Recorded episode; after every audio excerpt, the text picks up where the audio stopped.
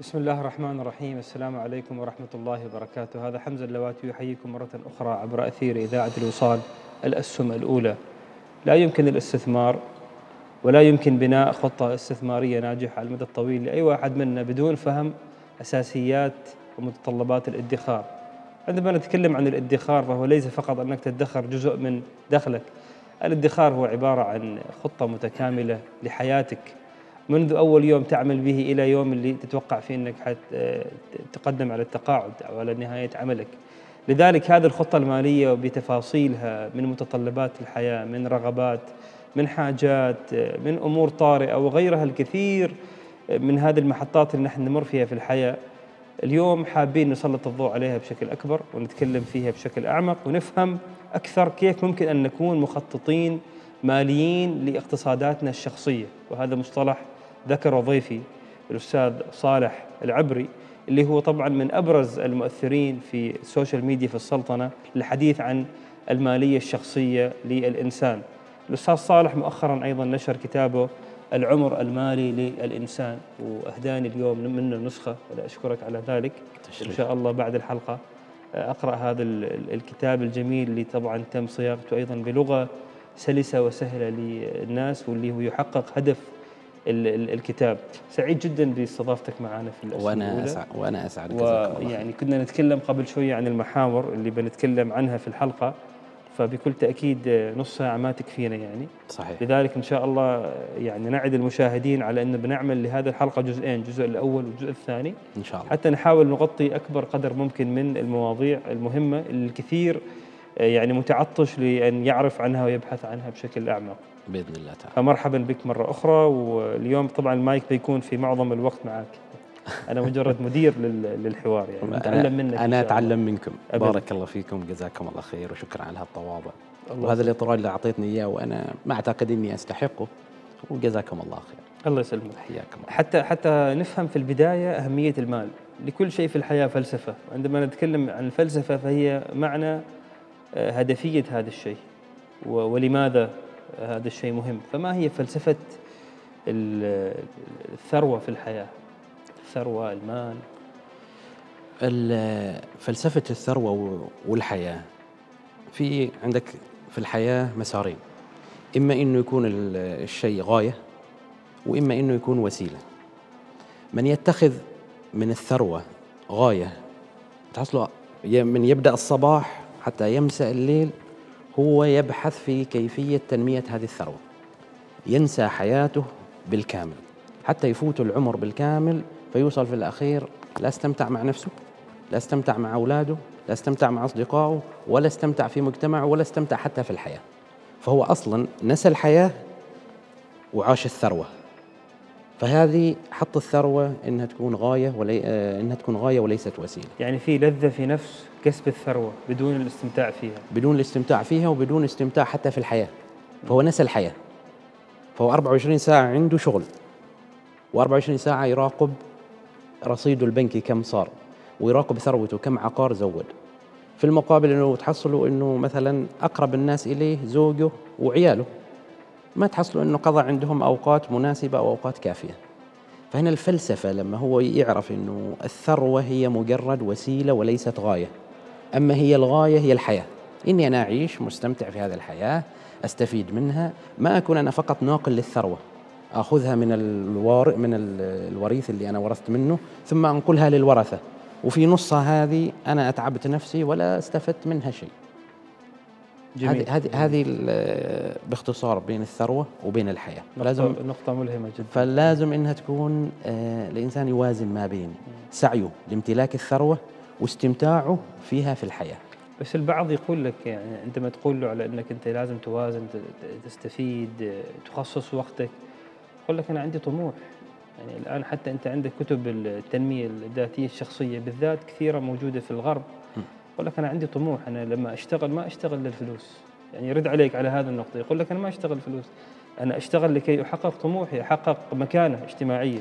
اللي حق كيف كيف نوضح هذا التعارض اللي هذا؟ الأهداف اللي هو راح يحققها لو عنده أهداف عليا في عقله مثلا ترقية وظيفية مثلا إنه يوصل مليونير أو يوصل لمستوى معين من المعرفة.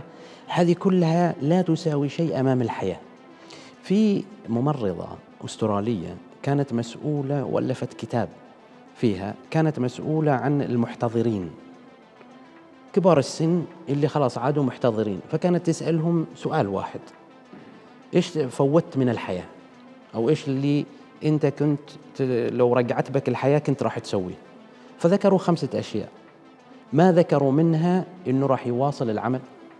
ما ذكروا منها أنه راح يزيد ثروته. ما ذكروا منها أنه راح يجمع مال. أبدا. وإنما كل اللي ذكروها الخمسة أشياء هي كلها في الحياة أو في الاجتماع. اللي هي مثلا ذكروا أنه بيقضي وقت كافي مع مع أولاده.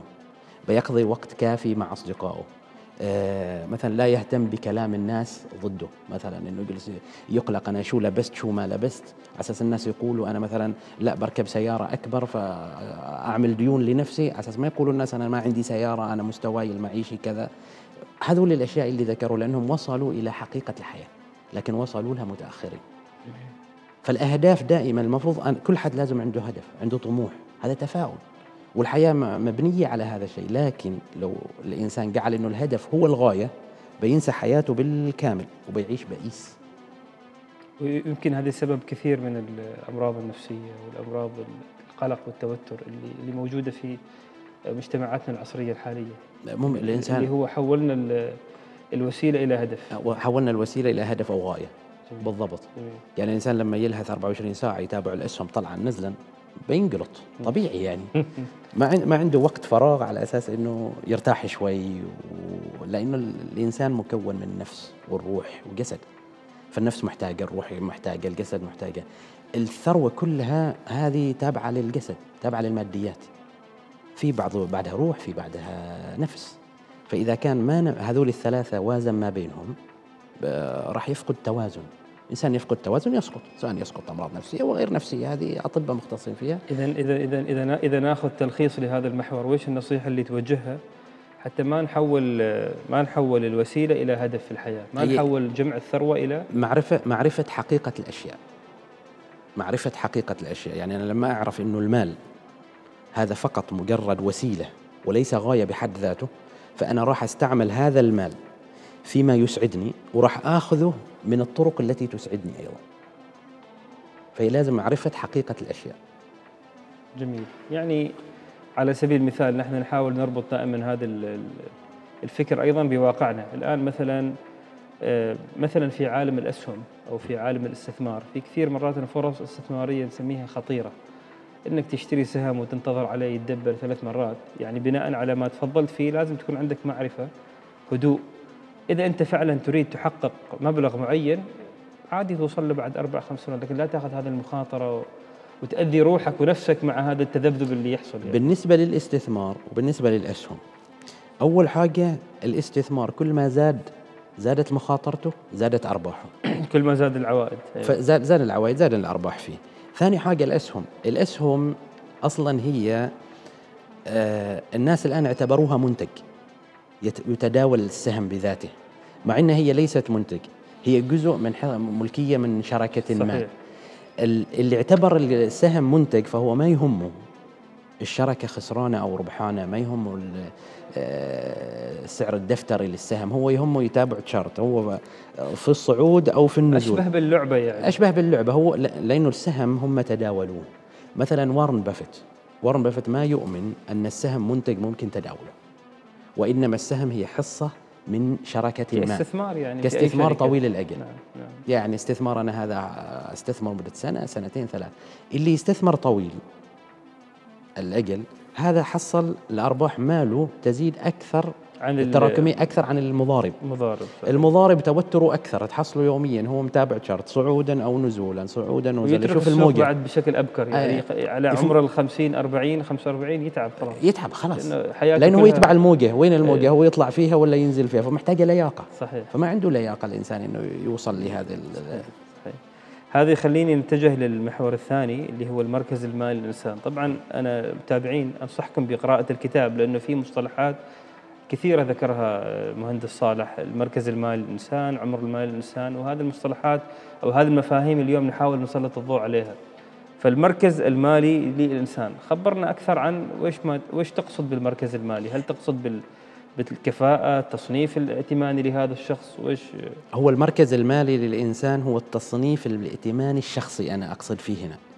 في عندنا مثلا في البنك المركزي اللي هو القانون القرار قرار الملاءة أيوة. اللي هو مركز ملاءة نعم. اللي هو يحدد اللي هو بسبب ليش يحددوا؟ يحددوا على أساس إنه يساعدوا شركات التمويل والبنوك على أساس إنه هذا الشخص نقرضه كم؟ هل إنه كم نسبة المخاطرة عند عند عند إقراضه؟ لكن لما أنت تحدد المركز المالي لنفسك أنت تبغى تعرف أنت وين. يعني مثلا شخص مثلا آه، طبيعي فهو هو يقول أنا عندي سيارة أنا عندي بيت أنا متزوج. فهو يفكر عنده أصول. فيقول أنا ما شاء الله عندي كل شيء. لكن في المقابل آه، عنده أيضا التزامات أخرى. يمكن عنده ديون لبنوك عنده لتمويل. البيت بنفسه أصلا مرهون. آه، عنده جم التزامات أخرى جمعيات. فهو يفكر حاله إنه فوق الخط الصفري. يعني أنا أملك شيء. لكن لما يجي يسوي المركز المالي لنفسه يحسب الالتزامات التي عليه ويحسب إيش اللي عنده يمكن يحصل نفسه تحت الخط الصفري. بالناقص. بالناقص يعني أصلا طلع ما عنده نعم. شيء. يعني. البيت مثلا هو ماخذ له ثمانين ألف وبعد الفوائد مية وعشرين ألف. لما يبيع البيت لو افترضنا أنه يقيم البيت تقييم ويحصل البيت قيمته مئة ألف مثلا. فهو أصلا مدين ب ألف بعد لو باع البيت بعده مدين ب ألف. نعم. فهو تحت الخط الصفري. هذا موضوع البيت آه، إحنا نخصص له محور بنتكلم تمام. في بعض المحطات اللي أنت ذكرتها. آه، لأنه موضوع مهم وربما في عندنا في بشكل عام في في, في آسيا أو حتى في العالم معظم القروض تذهب لجانب الإسكان أو صحيح. الجانب السكني يعني. العمر مع, مع إن إحنا ترى ما محتاجين قرض للبيت أو للسكن. هذه هذه هذه هذه يعني نقطة, نقطة كبيرة الناس ما يوافقونك عليها اتكلم عنها أنا ما بعلق يعني العمر المالي للانسان ليش سميت كتابك بهذا الاسم؟ وإيش هو العمر المالي أيضا الإنسان؟ هو العنوان جاذب لكن يعني نحن عندنا عادة العمر عمر الإنسان الرقم. نقدر نقول عمره الصحي مثلا آه عمر بالضبط. الشباب عمر المالي ويش يعني بالضبط العمر المالي للإنسان اللي هو نفسه نفس اللي أخذ اللي أنت أفدتني فيه اللي هو العمر الصحي لما تقول حال الإنسان هذا عمره الصحي مثلا 50 سنة أو هذا عمره الصحي مثلا 60 سنة بس عمره الرقمي اللي هو رقم إنه والله هو 40 سنة في هذه الحياة بس لما يجي يفحصوه يحصلوا عمره الصحي مثلا 50 ولا 60 مثلا يأخذ جزء منه عضو من اعضائه الكبد مثلا يقول هذا كبده كأنه شخص عمره 60 وهو عمره 30 مكثر ماكدونالدز يعني. يعني مثلا إنه خربها بزيادة أيوه. يعني. أيضا في هناك الإنسان له أعمار مختلفة. عنده عمره المالي عنده عمره الاجتماعي عنده عمره الصحي عنده عمره الرقمي عنده عمره حتى المهني. لما تقول هذا عمره المهني والله 20 سنة. وهذا عمره المهني وترقى فيه سوى كذا وسوى كذا وسوى كذا. العمر هذا اللي تكلمنا. بالنسبة للمالي المال القانون العماني قانون الأحوال الشخصية ذكر تعريف المال. المال ليس النقد وإنما هو كل عين أو منفعة أو حق يقدر بثمن أو ممكن إنك تتقاضاه أو ممكن إنك آه، تبادله بشيء آخر. يعني أنا مثلا عندي سيارة أقدر أبادل بها بنقود. عندي سيارة أقدر أبادل بها بسيارة ثانية فإذا هي تعتبر مال. هذا اللي هو العيني. عندي ال ال ال قلنا عيني وقلنا الحق. الحق.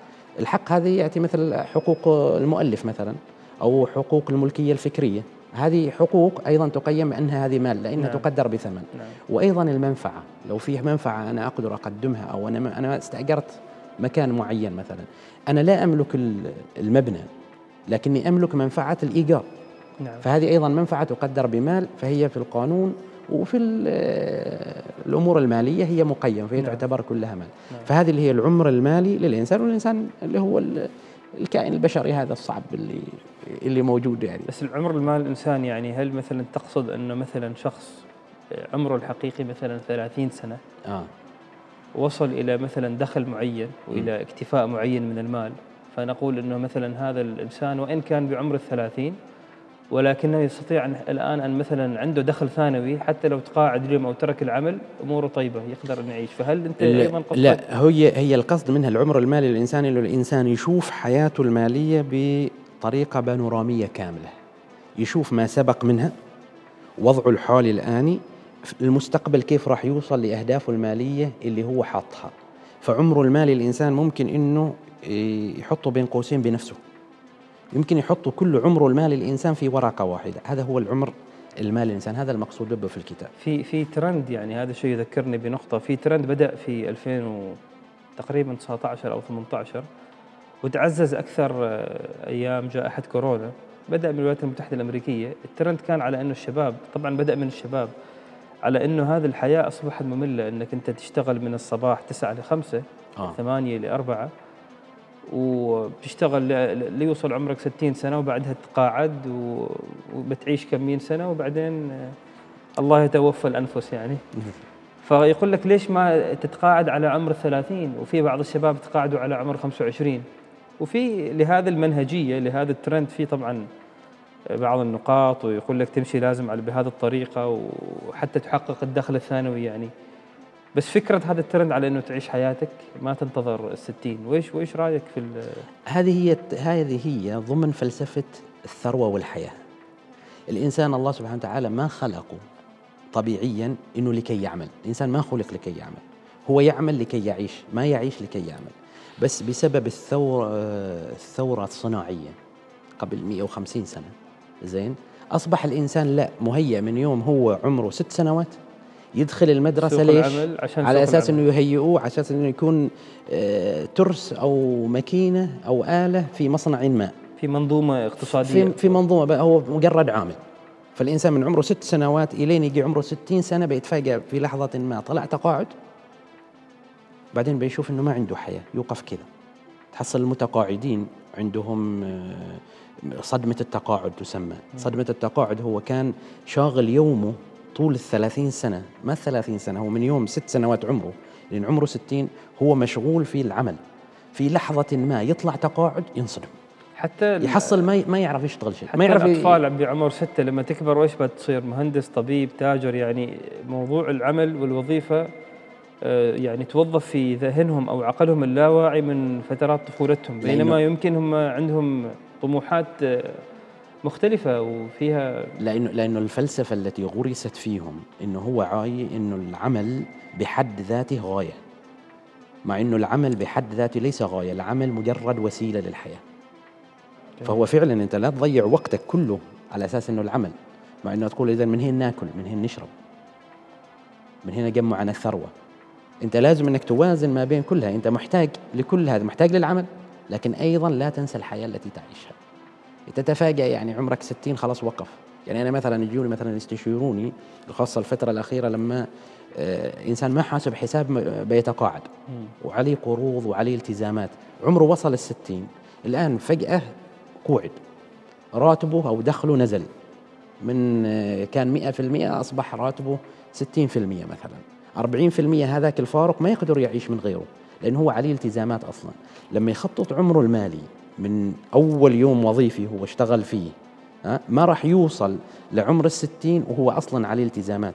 هذا اللي عليه التزامات وهو في عمر الستين هذا تأخر في التخطيط المالي. حتى لو جلست عنده مثلا وسألته بيقول لك أنا آه، ندمت إني ما سويت الشيء الفلاني في العمر الفلاني. جميل. أنا ندمت كنت أخطأت لأن القرض الفلاني أنا أخذته آه، بهذا الوقت. في هذا الوقت. نعم. أنا ندمت إني والله ضيعت آه، حياتي الأولى مثلا في العشرينات وبداية الثلاثينات. كنت والله أسافر وأطلع وأنفق و- وعايش حياتي يعني. فما كنت أجمع أو أدخر للمحطات العقدية أو المحطات السنوية. وكنت معتمد على إنه أنا لما أحتاج إني سيارة لازم إني أروح تمويل. فلسفتي كذا. لما أحتاج مسكن لازم أروح تمويل. لما أحتاج أتزوج أروح تمويل. ما كنت فاهم إنه لا أنا ممكن هذول المحطات العقدية أخطط لها سابقا. هذه يخليني أجي لمحور الانحراف المالي. ذكرت بعض التصرفات أو بعض العادات الاقتراض لاجل كل شيء يعني. هل هذا أيضا من أحد مظاهر الانحراف المالي؟ وإيش هي المظاهر الأخرى للانحراف المالي؟ الانحراف المالي مثلا إحنا س- في فصل كامل في الكتاب مثلا اللي هو الرسم البياني للعمر المالي للإنسان. حطيناه بطريقة رياضية اللي هو الرسم بياني اللي هو يتكون من ال X ومن ال Y. جميل. زين. فأنت تحدد النقاط المالية المهمة في حياتك. أنا مثلا الآن عمري 30 سنة. قبل الثلاثين أنا محطاتي المالية اللي سويتها إيش؟ بتقول مثلا أنا خذيت من البنك خمسة آلاف ريال تحسين وضع. أنا أول ما توظفت بعمر مثلا 23 سنة أنا خذيت قرض للسيارة. قرض السيارة استقطع 20 30% من راتبي. القرض الشخصي تستقطع 10 15% فما بقى من راتبي إلا 50% بعد ذلك لما حبيت إني أتزوج ما قدرت إني أوفر لأنه أصلا نص راتبي يروح استقطاعات. من يوم عمري أنا في بداية العشرينات. فاضطريت إني أسير أيضا عشان إني أتزوج أكمل المحطة العقدية الثالثة مثلا. آه، خذيت أيضا من البنك مثلا 15000 ثم بعد ذلك تفاجأت إنه أنا أصلا إذا ما قدرت أوفر قبل الزواج ال 15000 بعد الزواج بالأكيد إني ما راح أقدر أوفرها وما راح أقدر أدفع الأقساط لأنه مسؤوليتي زادت. فأنا بديت أدخل في نفس الدوامة أدخل الوحل وما أخرج منه وإنما أتعمق فيه. إلين في في لحظة ما كما يقولوا في لحظة وعي. زين؟ أنا تفاجأت إنه والله ثلثين راتبي أصلا يروح أقساط. فأنا ثلثين شغلي اللي أنا أكده لمستقبلي 20 سنة قدام يروح حال البنك مثلا أو حال التمويل. اذا كثير من هذا انحراف من الانحراف. كثير من التبعات المالية اللي نحن نلاقيها في حياتنا ومن التحديات نتيجتها قرارات نحن نتخذها يعني. أنا مرات ما قضية ما المشكلة مشكلة الراتب يعني. قد الراتب يكون كافي لأنه أنت وين ما تذهب في العالم في أي مكان في أي دولة في أي مجتمع دائما آه، كل حد يقول لك الراتب غير كافي. وحقيقة مرات الراتب فعلا يكون يعني ربما لا غير كافي. هذه أيضا حقيقة ما نقدر نستبعدها. ولكن النقطة اللي أيضا ينبغي تسليط الضوء عليها أنه ما في مقدرة على التخطيط لهذا الراتب في قرارات خاطئة تؤدي إلى نتائج خاطئة. أنا عندي مقولة آه اللي هي الإنسان هو قراراته التي يتخذها بوعي كاف أو دون ذلك. فالإنسان أنت أنت تمثل القرارات التي أنت تمثلها أنت حتى أنت لما قررت أنك تدرس الطب أو الهندسة لما يناديك واحد يقول هذاك الطبيب فقرارك أنك تدرس الطب هو أنت ذاتك. حتى لبسك الذي تلبسه يعني لو لا في مكان معين ولابس دشداشة مثلا رمادية. فلما حد يبغى يشير إليك من بعيد يقول هذاك اللي لابس الدشداشة الرمادية. هذا قرارك. في الأمور المالية أيضا قراراتك هي اللي تحدد عمرك المالي. فأنا قراري أنا اللي قررت لما دخلت الوظيفة صرت أول حاجة الوكالة وطلعت لي سيارة بالأقساط. أنا لما قررت موضوع إني السيارة منتشر كثير في يعني مجتمعاتنا بشكل عام في الخليج.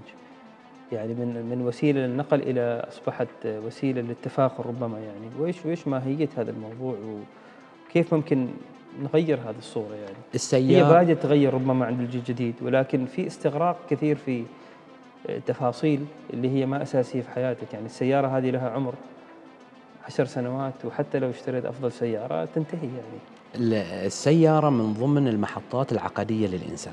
بمعنى إنه ما تتكرر في العمر إلا مرة أو تتكرر كل عشر سنوات مرة العقد عشر سنوات.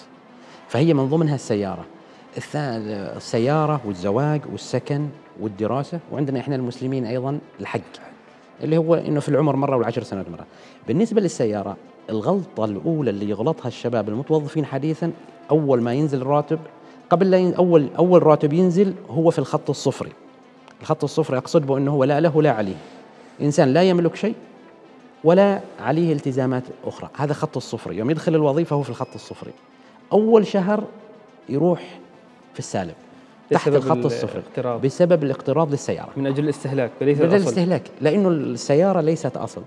وحتى لو كانت أصل هي أصل يتناقص تتناقص قيمته بشكل سريع جدا. أول ما تطلع أنت السيارة من الوكالة تنزل 30% أول يوم تطلعها من السيارة. نعم. بعدين كل سنة تنزل عندك بنسبة معينة 10% أو 5% هذه هذه تنقص من قيمتها أنت لو بعد سنتين من خذيت السيارة لو رحت تشوف قيمتها في السوق والمبالغ المتبقية عليك من التمويل مع أنك دافع دفعه مقدمة تحصل المبالغ أعلى من قيمة أعلى من قيمة السيارة. السيارة بالنسبة للشخص المستهلك العادي لازم إنه يشتريها نقدا. إذا كان يقسطها لا يقسطها أكثر من سنتين أو ثلاث و30% من قيمتها فقط. غير عن هذا هو جالس يلعب بعمره المالي بطريقة خاطئة. جالس كأنه يضيع يضيع. بشكل المفروض السيارة يأخذها نقدا. هي أيضا موضوع موضوع العيب موضوع الاعتبارات الاجتماعية. أتوقع في مجتمعاتنا لعبت دور في تعزيز هذه الثقافة. صح. لما الأنماط الاجتماعية تتغير معنا أيضا ربما أيضا تؤثر على استهلاكنا أو على آه، صرفنا. هذا هذا في المحور علاقة يعني مباشرة. هذا في المحور الأول ذكرناه اللي هو إنه ما يهمك الناس إيش يقولوا. هو فانت سهل فإنت ما يهمك مهندس صالح لا لازم توصل لهذا في الواقع مرات يهمك. يعني عندك شبكة علاقات عندك مثلا صورة معينة لا، شو- فهي تأثر عليك. يعني أنت مثلا داخل مكان ب- بهيئة أو بطريقة معينة في الواقع في الحقيقة تأثر عليك. يعني أنت مثلا الناس ممكن تحكم عليك من مظهر معين. هل. هل الإنسان ما يرتدي وما يملك وما يستعمل؟ أم هو- الإنسان بذاته؟ هو هذا الصح اللي ذكرته. فيقول الانسان ولكن الواقع- الإنسان اللي يبغى يعرف قدره ها يشوف نفسه هو إذا فقد كل ثروته. من هو؟ من هو؟ سواء في المجتمع سواء في بين أسرته سواء في الدولة م- من هو؟ إذا فقد كل ثروته. إذا كان هو يعتمد فقط على الماديات على أساس يكون شخصيته فهذا هو يعتبر آه، ناقص. ومحتاج حاجة تكمله من من الخارج. يجب إنه أنا ما أركض خلف الماركات. الماركات لمين سوت للناس المتوسطة. ال- تشوف المليارديرات اللي موجودين.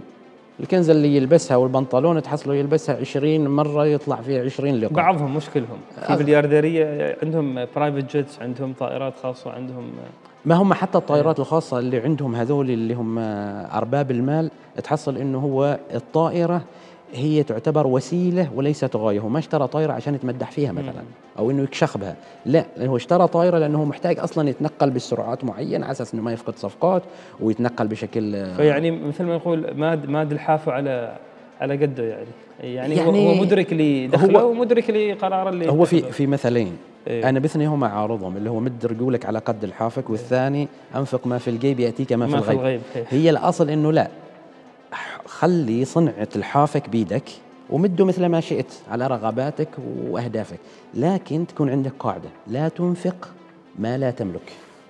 أنت لما تصير تشتري سيارة بالدين فأنت تنفق حاجة تشتري توفر رغبة اللي هي سيارة على أساس إنك آه، تنفق قبل لا تملك. فتجلس ثلا- ثلاث سنوات أربع سنوات خمس سنوات آه، تصرف على هذه السيارة اللي أنت ما تملكها أصلا. جميل. جميل. نقاط آه، مهمة يمكن وصلنا لنهاية الحلقة. طبعا لنا الجزء الثاني ولكن قبل النهاية آه، يمكن بشكل سريع إذا ممكن أيضا آه، نتكلم فيه باختصار ثل- بثلاث نقاط. أعطينا ثلاث مظاهر للانحراف المالي. نختمها عند الانحراف المالي والحلقة القادمة إن شاء الله نبدأها من المحطات ال- القادمة يعني. الانحراف المالي أول انحراف مالي إنه تستقرض استهلاكيا. أي قرض استهلاكي هو انحراف مالي. سواء قرض سيارة قرض سفر قرض زواج قرض مسكن أي قرض يعني القرض. من أجل الاستهلاك وليس القرض من. أجل الاستهلاك هذا انحراف مالي بحد ذاته. اثنين اللي هو تلبية الرغبات فوق ما تستطيع. أي رغبة عندك؟ أنا والله عندي رغبة إني أشتري يخت. كل حد عنده رغبات عالية. فأي رغبة عندك فوق قدرتك المالية هو انحراف مالي. هتضطر تصير تستدين لها على أساس إنك تحققها. مثلا الآن إحنا في الصيف مثلا نقول باغي نسافر. فكل واحد والله البنك معطينا credit card وشايفين إنه credit card والله هذه منحة. credit card هذا منتج من منتجات البنوك. لو ما تربح منها ما راح تسوي لك إياها. هذا ثاني انحراف مالي. نحن تكلمنا في الحلقة الماضية بس اعذرني أقاطعك كيف تفضل. ممكن نستفيد من نقاط ال credit card تعاملها معاملة بطاقة الخصم؟ مم. فتدفع فيها ومباشره تحول المبلغ اللي أنت دفعت فيه على مدى سنتين طلع لك نقاط يمكن طلع لك تذكرتين أو ثلاثة. وصارت مع آه، ضيفتنا كانت زهراء عبد الأمير الحلقة الماضية. خبرتنا عن هذا الموضوع. آه أنا بخبرك إنه بالنسبة لمنتج الكريدت كارد آه الإحصائية تقول 84% من الحاملين لكريدت كارد ما يعرفوا عن هذا. ما يقدروا لا لا لا. ما يقدروا يوفوا بالتزاماتهم في الوقت المحدد. فهم يلعبوا على ال 84% فاللي صحيح. باقين 16% هذول خلينا نعتبرهم الخبراء فيها الخبراء صحيح فما كل الناس خبراء صحيح، فيها يعني صحيح. زين ف 84% من اللي حاملين credit card هم يدفعوا ال- الفوائد الفوائد الفوائد نعم، عليها نعم، نعم. فما ممكن إن أنصحهم إنه لا سوي credit card واستفيد منها جميل. لأنه هذه يعني منعطف خطر شوي مم. يحتاج لواحد شوي خبير في وملم بالموضوع ملم, ملم بالموضوع الثالث لا اللي ينفق أكثر مما يملك. بغى يعيش مستوى معيشي أعلى من المستوى مستوى دخله. المستوى المعيشي يجب أن يكون تحت مستوى دخلك. أنت إذا تبغى مستوى معيشي معين لازم أول حاجة تزيد الدخل بعدين تزيد مستوى معيشي. وليس العكس. ما ممكن تعيش مستوى معيشي أعلى وأنت دخلك أدنى. والا ولا بتنزل من فوق وتنزل على طول في. إن شاء الله بنتكلم عن الموضوع ب في الحلقة القادمة الجزء الثاني لأنه الحلقة تستاهل ثلاث أجزاء مش فقط جزئين. بارك الله فيك. ولكن وصلنا للنهاية المخرج أكرم ما قصر. وجالس يقول لي يا حمزة خلص الوقت. أشكركم على المتابعة. الحلقة الجزء الأول من العمر المالي للإنسان مع المهندس صالح العبري. ترقبونا في الجزء الثاني يوم الأربعاء. هذا حمزة اللواتي يحييكم عبر أثير إذاعة الوصال. شكرا للرعاة الهيئة العامة لسوق المال بورصة مسقط شركة مسقط للمقاصة والإيداع على رعايتهم لهذه الحلقة. حياكم الله والسلام عليكم ورحمة الله وبركاته. عليكم السلام.